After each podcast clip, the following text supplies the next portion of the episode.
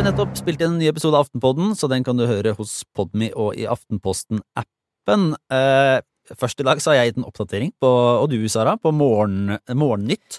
Eh, en morgen i Oslo-gryta. Ja. Det er en eh, blandet morgen, kan vi si. Trafikk og musikk. Eh, folk. ja. Eh, og så har vi sett på Hammersborg-erklæringen og nye byrådet i Oslo, og, og, og litt på avgående Raymond Hansen, som har fått seg en jobb. Og så har vi jo gått inn og sett på Jonas Gahr Støres eh, ja, en av flere ferske hodepiner. Ja, han har jo kroniske hodepiner, hvis du skal se sånn politisk på det. Og vi diskuterer er det et problem eller er det ikke et problem at det er sånn eh, lekkasjekultur rundt eh, statsministeren.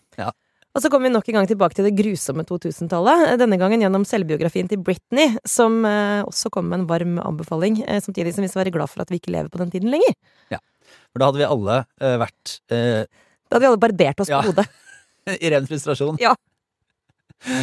ja. Eh, Så eh, det er denne ukens Aftenpodden som du eh, kan høre nå hos Podmy og i Aftenposten-appen. Ha det bra!